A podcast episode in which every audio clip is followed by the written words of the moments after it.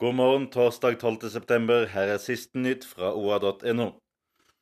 Arbeiderpartiet og Senterpartiet signaliserte onsdag kveld at de inngår avtale om å styre Innlandet sammen de neste fire årene.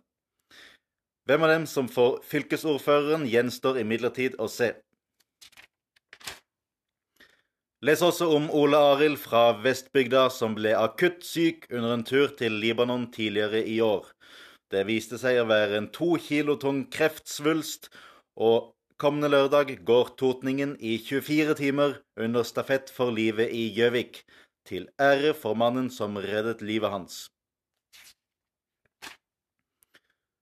Prydkunst i Gjøvik sentrum utvider butikken og innreder den som en 300 kvadratmeter stor leilighet.